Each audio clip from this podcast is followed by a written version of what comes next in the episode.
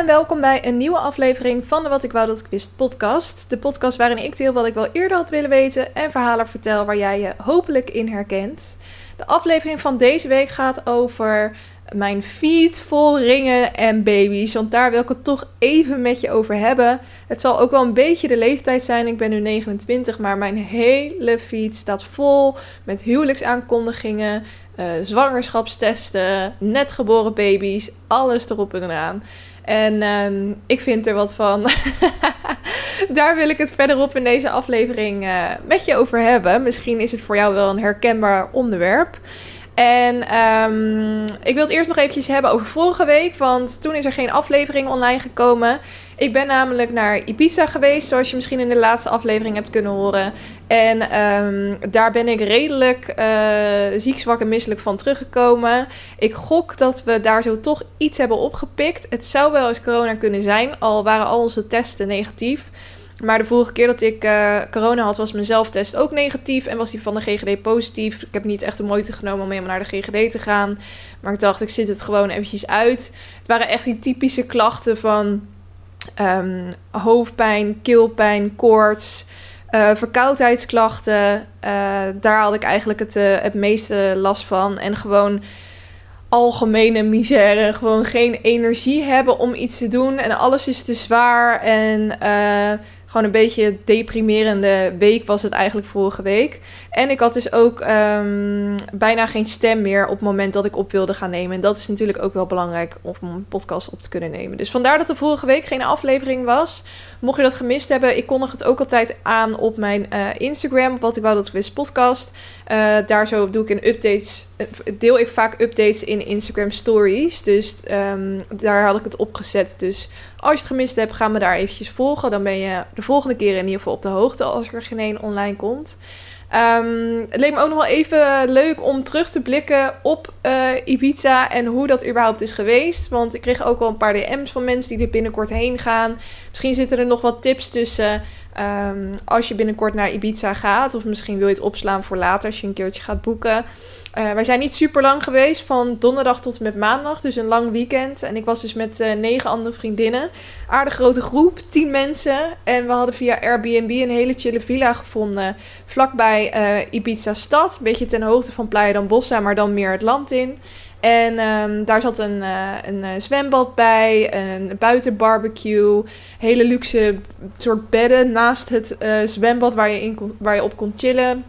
En het huis zelf was een beetje verouderd, maar wel gewoon prima. Genoeg slaapplekken voor iedereen. Eén iemand was op de slaapbank, maar goed, die was ook later bijgekomen.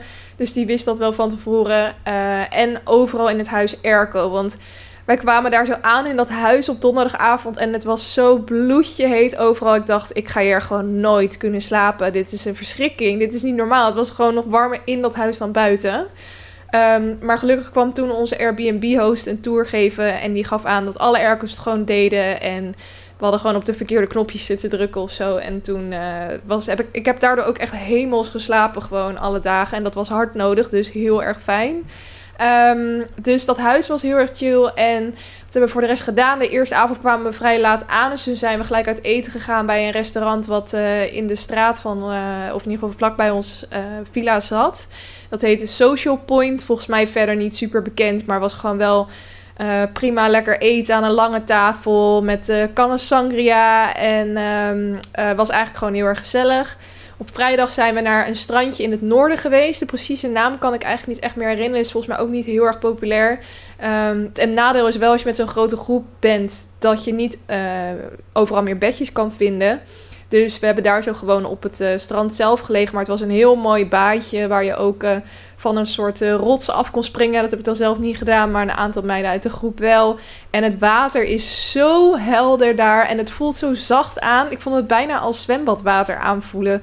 Maar dat wordt, volgens mij wordt dat zachte gevoel dan veroorzaakt door chloor. Dus ik weet niet wat er hier in het water zat, maar het was zo lekker water. Je kan er gewoon dus doorheen kijken en geen stenen, ook als je het water inloopt. Dat vind ik echt altijd verschrikkelijk.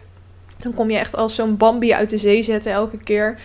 Um, dus dat was top. En s'avonds zijn we toen naar David Guetta gegaan. Die was in Club High. Die club kende ik nog niet. Toen, ik ben dus één keer eerder in Ibiza geweest, tien jaar geleden. En toen was die club er nog niet. Of in ieder geval die naam niet. Um, maar daar zo treedt hij dus elke vrijdag op. Dus heel veel van die DJ's in Ibiza, die hebben gewoon een vaste avond. En elke week staan ze daar dus weer op hun vaste avond in hun vaste club. Dus als je een keer een weekend naar Ibiza gaat, dan is dus de kans best wel groot dat je gewoon nog steeds grote DJ's kan zien. Als je tenminste tijdens het hoogseizoen gaat. Dus volgens mij is dat tot eind september. Wij waren dus begin september, dus dat ging precies goed. Maar er waren ook al wat closing parties. Um, dat was super leuk. Nou, het was super leuk. Uh, het was heel vet om David Guetta live te zien en zijn muziek. Alleen het was zo ontzettend druk. Dat is ook wel een ding. Je kan altijd nog kaarten aan de deur kopen. En zij ik heb het idee dat ze niet echt een maximum hebben wat ze verkopen. Ze blijven gewoon verkopen voor iedereen die wil. En ehm, daardoor was het dus ook zo ontzettend druk. Je kon echt nauwelijks ademhalen. En dus ook niet echt dansen bij uh, het gedeelte van David Guetta. En hij draaide best wel lang, van 2 tot 5 of zo. En, um, of 1, nee, ik denk 2 tot 5. En um, uh, uiteindelijk hadden we dus eerst, want er was nog een andere zaal, hadden we dus eigenlijk misschien even eerst in die andere zaal moeten dansen en daarna naar David Guetta moeten gaan. Want na het eerste uur was het hartstikke rustig en kon je daar zo gewoon uh, lekker dansen. Maar iedereen dacht denk ik dat hij maar een uurtje zou staan. Dat dachten wij namelijk ook. En uiteindelijk stond hij er dus best wel lang. Maar was wel heel vet. Uh, vette club ook. Dat moet ook de nummer 1 club in de wereld zijn. Mede vanwege de geluidskwaliteit. Ja, ik heb natuurlijk alleen de ervaring dat ik hutje mutje tussen mensen stond te dansen. Dus ik heb niet echt het idee dat ik full experience van de hele club heb gehad. Wat ik wel heel leuk vind bij clubs in Ibiza is dat ze vaak een heel groot buitengedeelte hebben. Met ook een bar buiten, met zitjes, uh, verlichte bomen. Um, en die mensen die daar een lekker sigaretje aan het roken zijn. En dat is echt heel erg gezellig ook. Dus als je het echt te warm krijgt, dan kan je altijd nog uh, eventjes naar buiten en daar zo gewoon rustig chillen. Um, zaterdag hebben we bij het huis gechilled en zijn we naar de hippie-markt geweest. Dat is ook wel echt een ding in Ibiza. Daar ben ik vorige keer dat ik er was ook heen geweest. En dan heb je dus allemaal verschillende kraampjes met van die typische Ibiza-outfits die je daar dan kan scoren. En wierook en stenen. En, maar je kan ook gewoon uh, lekkere sapjes halen, een cocktail, eventjes wat eten. Um, en het is gewoon een hele chille omgeving om, uh, uh, om een paar uurtjes door te brengen. En ook om souvenirtjes te kopen. Dus dat heb ik ook wel gedaan daar zo. En s'avonds zijn we naar uh, Elro in Amnesia gegaan. En dat was wel echt een van de vetste avonden. Nou, ik denk misschien wel de vetste avond van het jaar tot nu toe. Ik vond dat zo ontzettend leuk. Dat is dus een feest. Het, het zit ook in Nederland. Komt dat feest af en toe voorbij volgens mij. Um, ik was er zelf nog nooit eerder geweest, maar het is een soort circus. Dus ik heb hier ook een video van uh, op Instagram Stories gezet vorige week. Maar um, overal waar je kijkt aan het plafond hangen mensen uh, in circus outfits aan, aan soort elastieken te hangen. En die zwieren door de lucht heen. En dan komt er opeens een man verkleed als een kreeft het publiek doorzetten. En die is dan plastic vissen aan het uitdelen. Echt de gekste shit zie je daar. En um, dus er heerst ook gewoon een hele goede sfeer. Iedereen is daar blij en vrolijk en iedereen vindt alles grappig en mooi.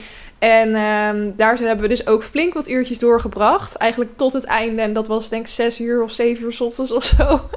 en toen werden we er echt uitgebonjourd. Dat vind ik wel een ding. Het um, personeel wat wij in restaurants hebben gehad. Het barpersoneel bij clubs. De mensen bij wie je kaartje koopt. Iedereen is echt een asshole. Sorry dat ik het zeg, maar ik heb nog nooit zoveel chagrijnige gezichten in uh, servicegerichte beroepen gezien. Dat je echt denkt: hallo, jij hebt toch zelf voor dit beroep gekozen? Maar misschien is dat, ze weten dat ze het kunnen maken, want iedereen betaalt maar fucking veel geld op Ibiza. Um, en ze, dat, ja, het is niet, ja, ik weet niet. Misschien hoort het gewoon bij de vibe of zo. Dat ze het, misschien krijgen ze zelfs wel aangeleerd om arrogant te kijken. I don't know. Maar voor mij deed dat wel een beetje af aan de experience. Maar aan de andere kant, we hadden een leuke groep meiden en ik probeerde me daar gewoon op te focussen. Maar dat viel me wel op, dat ik dacht, wat is hier aan de hand? Waarom is iedereen chagrijnig die hier in de bediening werkt?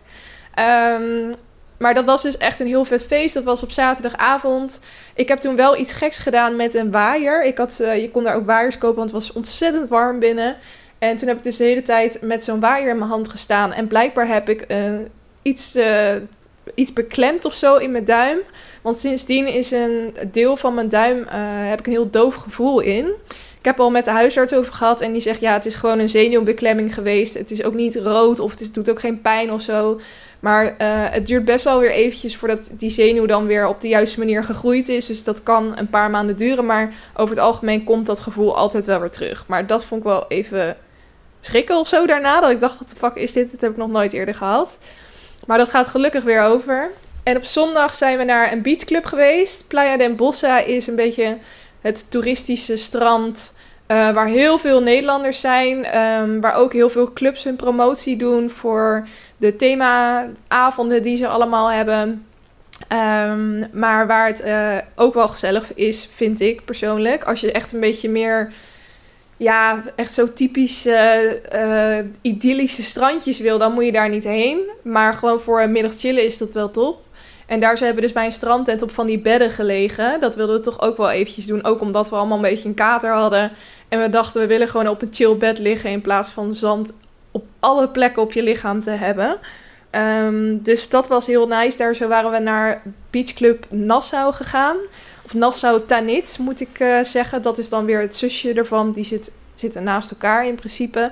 En toen ik daar zo belde om een bed te reserveren, toen werd ik ook in het Nederlands aangesproken. Dus dat zegt wel hoe toeristisch het is. Maar wel echt top service verder. Um, met een chagrijnige blik, dat dan weer wel. En s'avonds zijn wij het eten geweest bij Aubergine. Dat is een ontzettend schattig restaurantje. Iets meer het land in. En um, daar hebben ze ontzettend lekker eten en ook heel veel vegetarische opties. Want hadden wat vegetariërs in de groep. En ik was uh, de steak en zo eigenlijk ook wel zat. Dus uh, we hebben daar zo gewoon een soort shared dining concept toegepast. Alles op tafel gooien en overal hapjes uitnemen. En er was een, uh, het was een hele grote, mooi verlichte binnentuin. Met een man die ook gitaar aan het spelen was. Um, ja, was gewoon super idyllisch. En hele chille plek om met zo'n grote groep te zitten ook. En uh, oh ja, toen zijn we ook nog naar Ibiza stad gegaan. En toen hebben we een drankje gedaan bij Zoobar. En dat is de plek waar ik toen ik tien jaar geleden twee weken in Ibiza was... ongeveer elke avond shotjes heb gedronken met de groep mensen... Ja, met mijn medestudenten eigenlijk. Want ik deed toen een uh, talencursus Spaans.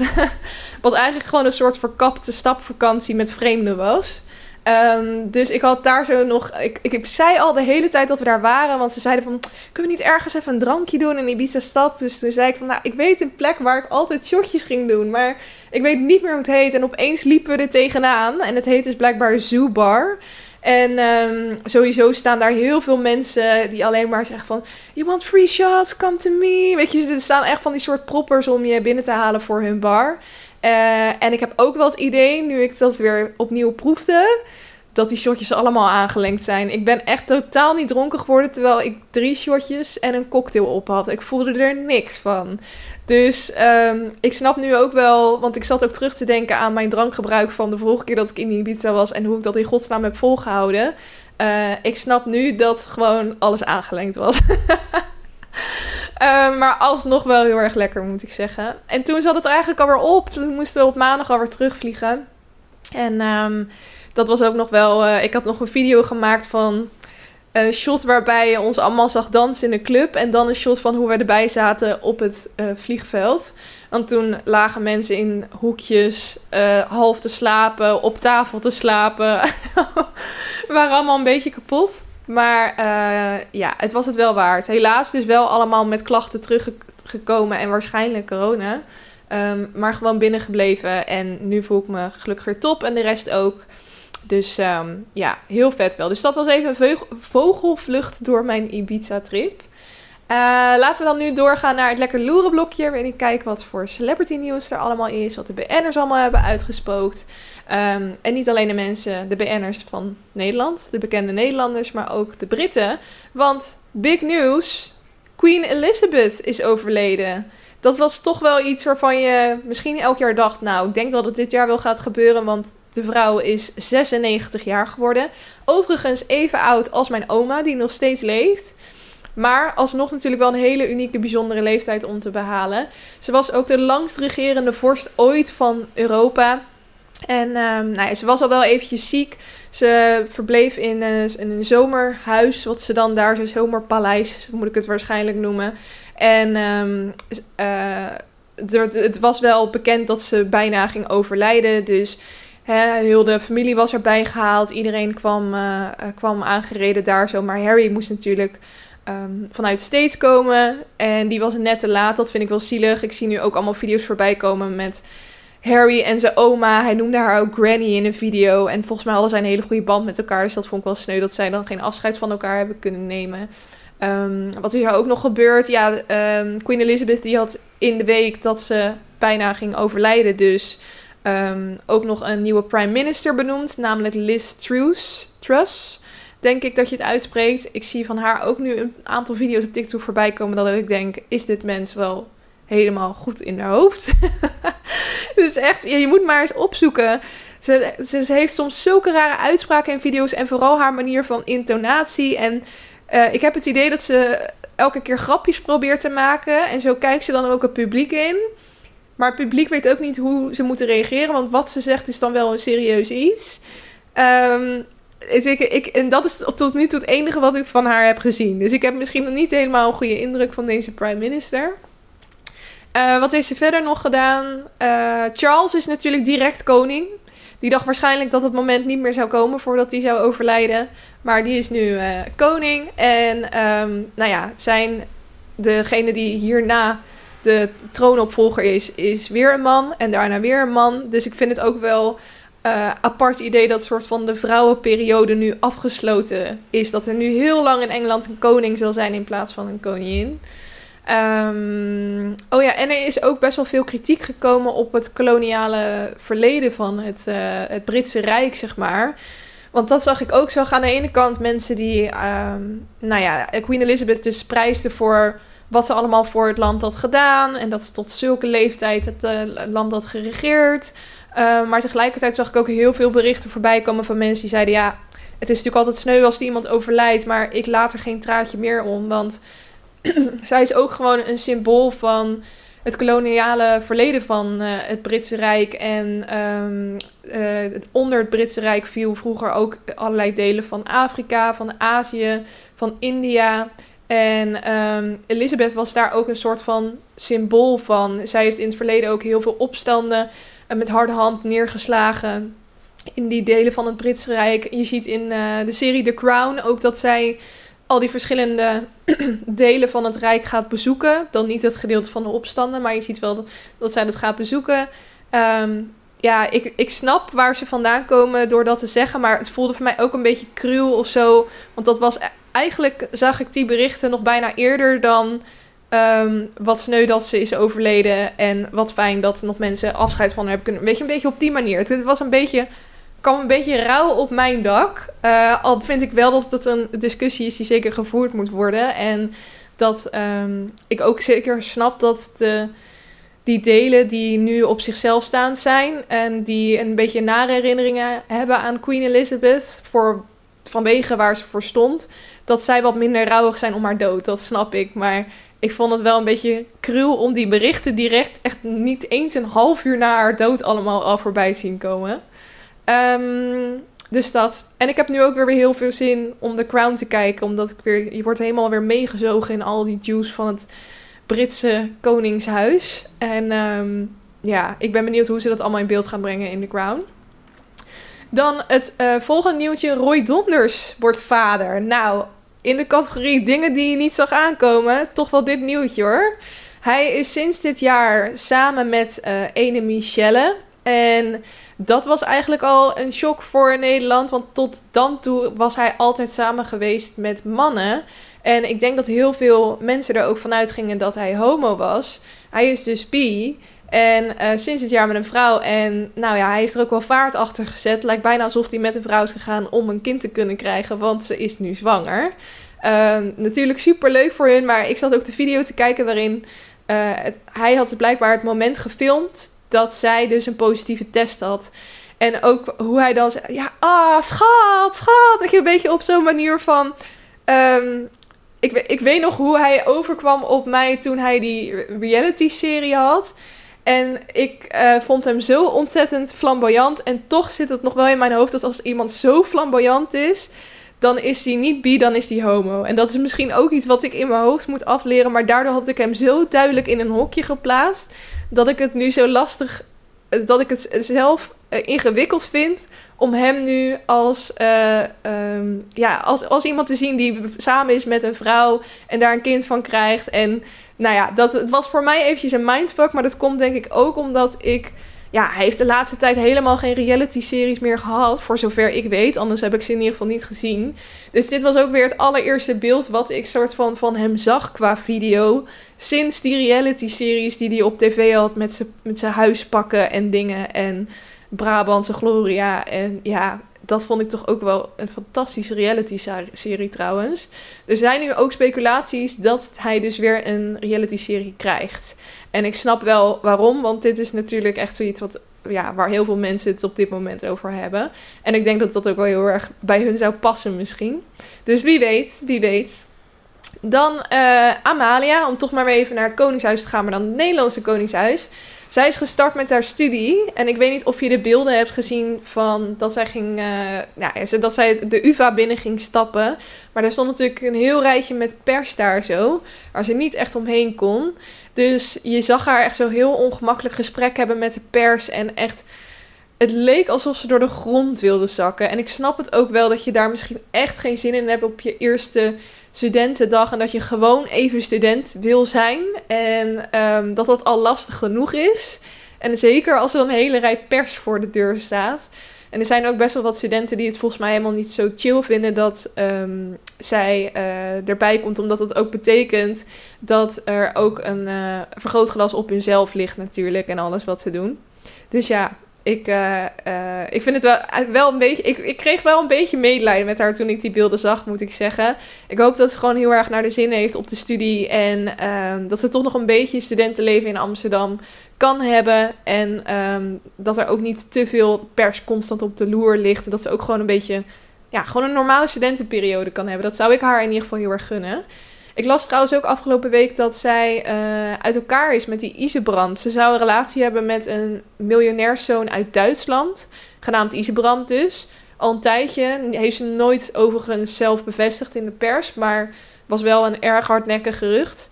En um, nu stond in een Duitse krant dat zij uit elkaar zijn.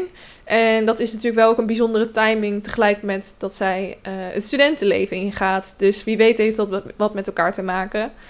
Um, daar weet ik, uh, er zijn, dat zijn allemaal weer geruchten en van die roddelbladen als story en zo. Dus je weet nooit zo goed wat je daarvan moet geloven. Maar dat over Amalia. Tot slot, laatste wat ik nog even wilde noemen is dat Harmjan en Astrid samen gaan wonen. Nou, ik heb, als je denkt wie de fuck zijn Harmjan en Astrid, dat is van B&B Vol Liefde, wat ik met heel veel liefde heb gekeken afgelopen zomer. En um, Astrid is toch wel een van de meest opvallende figuren van dit seizoen. En um, ze kon ook redelijk uh, nou ja, harde tonen opzetten, ook tegen Harmjan. Dus het is best wel verrassend dat hun relatie stand heeft gehouden. En uh, dat het zo goed gaat dat hij nu zelf zijn baan heeft opgezegd. En dat hij binnenkort echt gaat intrekken bij Astrid. En dat ze samen dus die BNB gaan runnen. Nou, dat vind ik toch wel heel cute. Happy end. En gelukkig is er nog een stel uit die serie waarbij het dus zo goed gaat. En um, ja, ik vind dat gewoon heel leuk voor hun. Omdat het, leek echt alsof zij nooit haar hart zou kunnen openen voor welke man dan ook. En blijkbaar is dat dus toch gelukt met een, uh, een hoop geduld vanuit Harmjan wel, moet ik zeggen hoor. Ik weet niet of ik het had gekund. Dan gaan we door naar het Lekker Leven blokje waarin ik allerlei tips geef om jouw leven leuker en lekkerder te maken. Hou je vast, want ik heb heel erg veel kijktips. Ik heb een aantal films in het vliegtuig gekeken. Um, met uh, mijn vriend ben ik nu een documentaire aan het kijken. Ik heb nog een andere leuke serie gevonden op Disney Plus. Nou ja, van alles. Dus hou je vast. Ik begin eventjes bij Netflix. Daar heb ik twee uh, films gekeken. Eén dus op de heenweg in het vliegtuig en één op de terugweg. Um, op de heenweg heb ik Me Time gekeken. Dat is een film met Mark Wahlberg en Kevin Hart. Zij zijn uh, twee beste vrienden. En um, nou ja, Mark Wahlberg speelt dus iemand die het ontzettend leuk vindt om zijn eigen verjaardag te vieren. En die Kevin Hart is daar dan altijd bij. Um, totdat ze ouder worden. En die Kevin Hart die krijgt een gezin en kinderen. En die wil eigenlijk niet zoveel bezig zijn met dat feesten meer. Maar zijn vrouw heeft wel eens iets van: hey, uh, het gezinsleven is belangrijk, maar je moet ook wel een beetje, hè, een beetje los kunnen. Dus ga nou weer eens naar de verjaardag van die beste vriend van vroeger. Dat wordt vast hartstikke leuk. Dus hij besluit om dat inderdaad te doen. En hij zoekt contact met Mark Wahlberg, of in ieder geval degene die die, die, die rol speelt. um, en hij zegt: uh, Joh, wanneer is je verjaardag? Ik kom toch aansluiten. En dat verjaardagsfeest, dat wordt natuurlijk één groot zootje. Dat loopt helemaal uit de klauwen. En um, ja, het is een beetje zo'n hangover film, weet je wel. Die vibe kreeg ik erbij, maar uh, wel heel vermakelijk moet ik zeggen. En de andere film is Look Both Ways. En daar speelt Lily Reinhardt in. En um, daar zie je twee verschillende verhaallijnen. Het begint ermee dat zij tijdens de studententijd uh, op de wc een zwangerschapstest doet. En in de ene verhaallijn um, is ze dus zwanger. En in de andere verhaallijn is ze niet zwanger. En dan zie je dus hoe haar leven had kunnen verlopen op twee verschillende manieren. Dus um, in de ene verhaallijn gaat ze met de beste vriendin naar Los Angeles en krijgt ze daar zo een um, hele vette baan. Ze ontmoet een knappe gast, gaat ze mee daten. En in de andere verhaallijn um, krijgt ze dus dat kind samen met haar beste vriend, waar ze een one-night stand mee had gehad. Gaat ze weer bij de ouders wonen en probeert ze het soort van werkend te krijgen met die beste vriend, maar weet niet of ze daar dan een relatie mee moet starten. En ondertussen krijgt ze een band met dat kind. Um, dus dat is best wel interessant, uh, omdat we daar zelf ook allemaal wel eens bij stil hebben gestaan, denk ik. Van wat, als dat had gebeurd, hoe had mijn leven dan verlopen? En dat is ook wel een beetje het thema van het uh, boek van deze maand, Middernachtbibliotheek. Dat gaat daar eigenlijk ook over van als je een andere keuze had gemaakt, hoe had het leven dan gelopen? Blijft gewoon een heel erg interessant concept, vind ik. Um, vond ik een hele toffe film ook. En uh, dan heb ik nog een kijktip voor Videoland. Daar ben ik dus een documentaire aan het kijken. Het bestaat uit drie verschillende delen van, nou best wel lang eigenlijk ook. Dus uh, we zijn er nog niet doorheen. Maar hij heet The Rise and Fall of Victoria's Secret. Victoria's Secret is natuurlijk dat lingeriemerk uit Amerika. En dat was echt een enorm groot ding. En dan voornamelijk hun uh, runway shows. Die werden ook op tv uitgezonden. Grote artiesten traden erbij op. Uh, alle rijen zaten vol met, uh, met celebrities. En um, ja, de shows waren gewoon echt onwijs extravagant. Met van die enorme wings die ze dan hadden. En uh, elke keer weer met een ander thema. Um, maar altijd hele lange en dunne, knappe modellen. En um, op een gegeven moment zijn ze dus met die shows gestopt omdat het niet meer paste bij de huidige tijd. Het was niet inclusief. En heel veel vrouwen voelden zich er ook gewoon slechter door als ze het hadden gezien. Waar ik me eigenlijk wel bij aan moet sluiten. Het was gewoon een heel mooi uh, droombeeld om naar te kijken. Maar het was niet iets waar je jezelf mee kon identificeren. En dat is toch wel iets waar de meeste merken op dit moment, zeker lingeriemerken, mee bezig moeten zijn. Um, maar de documentaire gaat er ook heel erg over uh, hoe, dat, uh, hoe het merk is opgestart en door wie. Surprise, surprise, het is een uh, witte oude man die dat merk heeft opgezet. en het hele verhaal van Victoria is eigenlijk verzonnen. Ik wist niet eens dat er een, een verhaal aan vast zat. Dat er daadwerkelijk een fictief persoon was genaamd Victoria, waar het merk omheen was gebouwd. maar dat was dus in eerste instantie wel zo. Um, maar je ziet ook dat uh, Jeffrey Epstein, hoe hij betrokken was bij dit merk en wat voor vieze dingen er achter de schermen allemaal gebeurden. Echt wel heel erg interessant. En ik weet dus nog niet hoe het gaat uh, eindigen. Maar um, ik wilde hem jou wel alvast tippen. Hij heet dus The Rise and Fall of Victoria's Secret. En tot slot wil ik nog een serie-tip geven. Die staat op Disney Plus of Hulu, wat je ook hebt. Uh, en die heet Tell Me Lies. En dat is ook gebaseerd op een boek. Dat boek heb ik zelf niet gelezen, maar die moet ook wel goed zijn. En dat gaat over een meisje uh, dat gaat studeren. En uh, in haar studententijd komt ze een gast tegen die haar enorm intrigeert. Hij is twee jaar ouder en hij, nou, hij wil haar gelijk al wat mee op date nemen. En um, Dan wijst hij haar weer af, laat hij weer niks van zich horen. En dan zijn ze weer helemaal hoog tot de botel. En je ziet volgens mij hun relatie gedurende acht jaar. Dus ik heb ook al een vooruitblik gezien waarbij ze elkaar dan vier jaar niet hebben gezien en elkaar opeens weer tegenkomen op een, op een feest. Ehm, dus er gaat nog heel veel gebeuren volgens mij. Maar ook daar zit ik pas in aflevering 3, 4. Maar vind ik het wel al een heel uh, ja, boeiend verhaal. Uh, haar huisgenootje of haar roommate, die overlijdt ook plotseling. Waardoor um, uh, er ook weer allemaal mysteries ontstaan daar rondom. Er zit ook een soort thriller aspect in. En um, ja, tot nu toe wel heel erg boeiend. Hij heet dus Tell Me Lies op Disney Plus of Hulu. En tot slot wil ik nog een leestip slash luistertip geven, want ik uh, luister het luisterboek. Um, en dat is I'm Glad My Mom Died van Jeanette McCurdy. Toen ik die titel voor het eerst hoorde, toen dacht ik, wow, heftige uitspraak om te doen. Maar nu ik halverwege ben, snap ik heel goed waarom.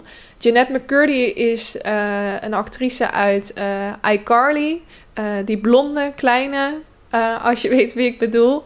En zij heeft dus een boek geschreven over haar uh, relatie tot haar moeder. Haar moeder is inmiddels overleden. Uh, maar die heeft wel een hele grote rol gespeeld in het feit dat zij een ja, kindster werd. En in uh, die Disney-series ging spelen. En überhaupt een acteercarrière had. Dat initiatief kwam eigenlijk helemaal vanuit haar moeder. Die probeerde soort van via haar kind haar dromen alsnog na te leven. En um, ja, het is, het is wel een hele bijzondere band die zij hebben gehad. Heel manipulatief. Heel, uh, ze heeft ook haar dochter eigenlijk uh, op vrij jonge leeftijd op een calorietekort gezet. Waardoor ze anorexia heeft gekregen. Ze heeft een OCD ontwikkeld. Door de, maar een beetje soort van controle te krijgen. Omdat haar moeder over haar hele leven controle wilde hebben. Uh, tot haar zestiende werd ze door de moeder gedoucht. Weet je wel, dat soort rare bijzondere um, situaties worden omschreven in het boek. En wat ik wel heel mooi vind, is dat zij het beschrijft vanuit de leeftijd die ze toen was. Dus het is in de huidige tijd geschreven. Dus als er een fragment is uh, waarin dus een situatie beschreven wordt van toen ze acht jaar was, dan heeft ze dat ook beschreven vanuit hoe zij toen het, het toen ervaarde als achtjarige. Dus je merkt ook dat zij niet alles doorheeft, dat sommige dingen niet normaal zijn. Um, om te doen. Dat, dat het niet normaal is dat je moeder je zo naar jou gedraagt. Maar dat ze dat op dat moment gewoon totaal niet door had. Omdat ze zoveel liefde had voor haar moeder en zo erg ernaar opkeek. Dus um, ontzettend boeiend verhaal moet ik zeggen. Um, dat is natuurlijk ook iets wat je totaal niet wist van haar. En ook wel intens lijkt me om zo een boekje open te doen. Dat iedereen dat dan van jou weet. Maar misschien ook wel een hele grote opluchting om dat te kunnen doen. Zoals ik zei, luister ik dus het luisterboek. Want ik wist dat zij die zelf had ingesproken. En omdat het ook haar eigen persoonlijke verhaal is, vind ik dat dan altijd wel heel mooi om haar stem erbij te kunnen horen. Um, ik heb nu zelf Next Story afgesloten. Je hebt natuurlijk Storytel en Next Story. Volgens mij zijn dat de grootste uh, luisterboeken-apps in Nederland. En bij Next Story zag ik ook dat de eerste 30 dagen je dan een gratis abonnement kon afsluiten. Um, dus ik heb dat gedaan eigenlijk specifiek voor dit boek. En daarna sluit ik hem denk ik weer af. Um, afhankelijk van of ik nog meer leuke luisterboeken zie. Um, dus die wilde ik ook nog even tippen. Nou, genoeg tips jongens. Jullie kunnen ontzettend veel dingen gaan kijken, gaan lezen, luisteren, wat je maar wil komende week.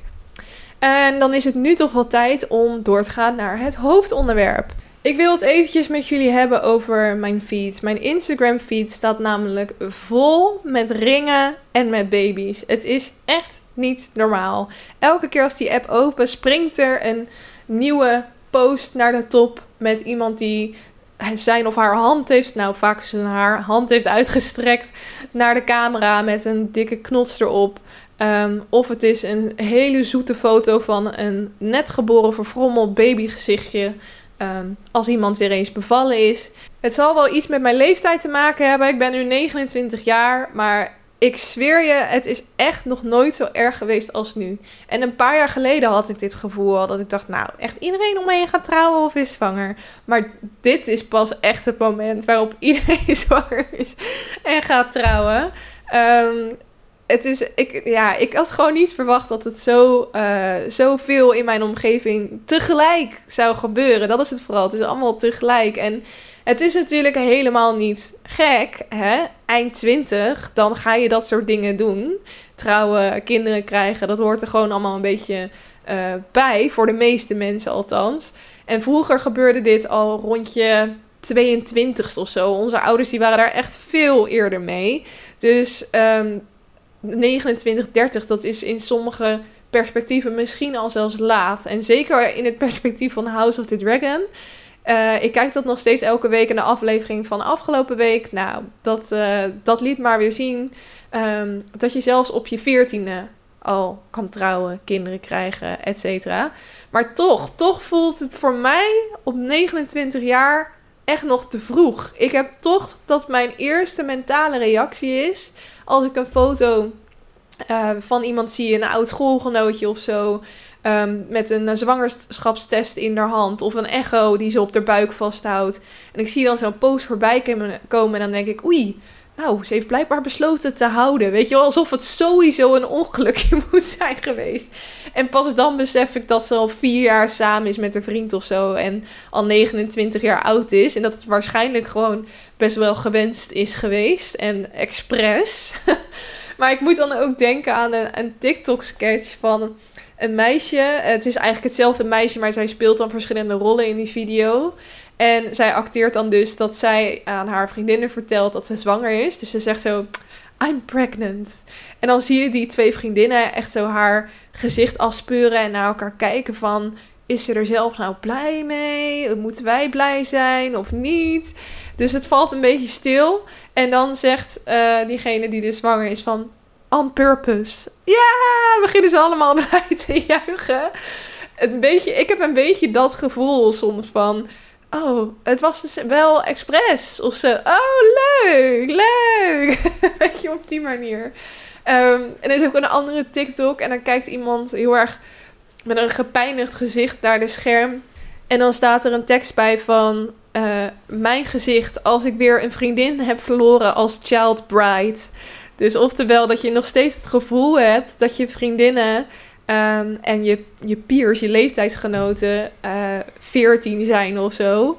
En dat op het moment dat je ziet trouwen, dat je denkt: hè, dat is raar. Zit je nou gewoon een uh, rollenspel te spelen of zo? Want wij kunnen toch nog helemaal niet trouwen. We zijn toch nog. Weet je wat je mentaal. Ik had heel erg verwacht dat ik mentaal al op dat punt zou komen dat het dood normaal was. En dat heb ik gewoon niet heel erg. Um, ja, je snapt misschien wel een beetje uit deze voorbeelden en ook aan het TikTok-algoritme. Het TikTok-algoritme kent jou altijd beter dan dat je jezelf kent. Trouwen en kinderen is voor mij op dit moment gewoon nog een beetje toekomstmuziek. En ik weet zeker dat ik het beide wil, ooit. Maar nog niet op dit moment. En misschien wel in op korte termijn, misschien op lange termijn. Maar nu, als ik, ik, merk gewoon aan mijn reactie op, nou, bijvoorbeeld het voorbijkomen van die Instagram-post, dat uh, het nog niet voor mij is weggelegd op dit moment. En enerzijds vind ik dat zelf ook best wel gek. Want ik verwachtte wel dat ik er veel eerder dan dit aan, aan toe zou zijn. Want als jonge tiener dacht ik echt dat ik op mijn 25ste al mijn eerste kind zou hebben. Nou, ik zal even een beeld schetsen hoe mijn leven eruit zag op mijn 25ste. Ik woonde in een crappy appartement in Amsterdam met een, uh, met een huisgenootje. Ik kreeg een beetje mijn eerste salarissen binnen en ik probeerde heel hard om dat op te sparen. Maar ondertussen gaf ik het alleen maar uit aan hele gore shotjes in veel te foute kroegen. Ik had uh, of een kater of ik was moe. Ik was absoluut niet klaar voor een kind en had hele andere prioriteiten. Dus dat is zo gek om dat dan te vergelijken met het beeld dat je als tiener had over je 25-jarige zelf. En dat je dan echt dacht dat je al in je eerste koophuis met uh, je getrouwde man en zwanger van je eerste kind zou zitten. Want dat is totaal niet wat er uiteindelijk is gebeurd. Want ja, ik dacht dus ook dat ik echt zou trouwen voor mijn 25ste. Ik had ook een heel duidelijk traditioneel beeld van hoe ik het wilde aanpakken. Met zo'n grote volle jurk en overal bloemen en een grote ring. En gewoon alles groots en mooi en wit. En echt als een soort van droomprinsessenbruiloft. En nu, ja, ik zou nog steeds willen trouwen, maar het gaat mij echt niet meer om al die dingen die ik in het verleden belangrijk vond. Het gaat mij gewoon meer om dat je voor altijd ja zegt tegen elkaar. Dat vind ik gewoon een heel mooi iets. En dat je dat dan ook met al je familie en vrienden kan vieren. Dat lijkt me het allerleukste gedeelte. En het maakt niet uit of het vieren dan heel groot is of heel klein. Of super traditioneel of totaal niet traditioneel. Daar hecht ik eigenlijk allemaal niet zo heel veel waarde meer aan. Maar meer om die, ja, toch wat emotionelere kanten eraan wellicht. Um, en het is grappig dat je mening zo kan veranderen over hoe je dingen wilt aanpakken, maar dus ook over wanneer je daaraan toe bent en wanneer je dat soort dingen wil gaan doen. En dat dat dus ook voor iedereen uh, weer anders is. Het kan natuurlijk ook op verschillende manieren lopen. De een die wil heel jong trouwen, maar die komt pas op haar veertigste de grote liefde tegen. En de ander die wil misschien heel pas later kinderen, maar die wordt al jong zwanger en die besluit dan het te houden. Of de ander die doet weer precies zoals ze altijd al had gedacht. Echt precies volgens haar eigen boekje. En de ander die had het helemaal uitgestippeld, maar pakt het compleet anders uit. Ehm, trouwen en kinderen krijgen, dat zijn ook van die dingen die je eigenlijk maar heel moeilijk kan sturen natuurlijk. Um, je kan dat zelf niet altijd uitstippelen. En soms lijkt het ook wel zo dat als je dingen voorbij ziet komen op Instagram, aankondigingen, dat het allemaal precies zo uitgestippeld was. Maar je weet natuurlijk ook niet wat er allemaal achter de schermen is gebeurd en um, waardoor deze beslissingen zijn ontstaan. Um, en het is ook natuurlijk zo dat. Uh, ja, dat, dat, dat wij verwachten altijd maar dat iedereen dat zomaar wil, trouwen en kinderen krijgen. Maar dat is ook niet altijd het geval. En ik vind het wel mooi dat daar steeds meer discussie over ontstaat. Want er zijn genoeg mensen die trouwen onzin vinden, die absoluut geen behoefte hebben aan kinderen, die dat echt zeker weten dat ze de rest van hun leven dat niet hoeven te hebben. En ik vind het best wel tof dat er voor die denkwijze ook steeds meer ruimte is. En dat we er niet altijd maar vanuit gaan dat anderen dat willen. En daardoor ook heel veel druk aan het opleggen zijn bij mensen. Compleet onnodig. Want, uh, nou ja, tot voor kort vond ik zelf ook nog de vragen en wanneer gaan jullie trouwen? En wanneer gaan jullie aan kinderen beginnen? Dat vond ik tot voor kort nog best wel normaal. En nu denk ik, hoe kom je er in godsnaam bij om dat soort vragen te stellen? Want het zijn zulke persoonlijke vragen. En vooral die laatste vraag, die, ja, die is echt persoonlijk om te stellen. Want sommige mensen die willen helemaal geen kinderen. Nou, dan is zo'n vraag totaal ongepast. Dan impliceer je eigenlijk iets dat iemand dat zomaar zou moeten willen. Terwijl dat helemaal niet het geval hoeft te zijn. En sommige mensen die willen heel graag kinderen, maar daarbij lukt het gewoon niet. En dan is zo'n vraag natuurlijk ontzettend pijnlijk om te krijgen. Dus ik probeer zelf daarom ook steeds vaker weg te blijven van dat soort vragen. En het is ook gewoon zo dat bij de mensen waar je echt close mee bent, daar komt het gesprek daar toch vanzelf wel een keer op. Of dan voelt diegene vanzelf wel een keer um, zich geroepen om daar iets over te zeggen. En zo niet ook prima.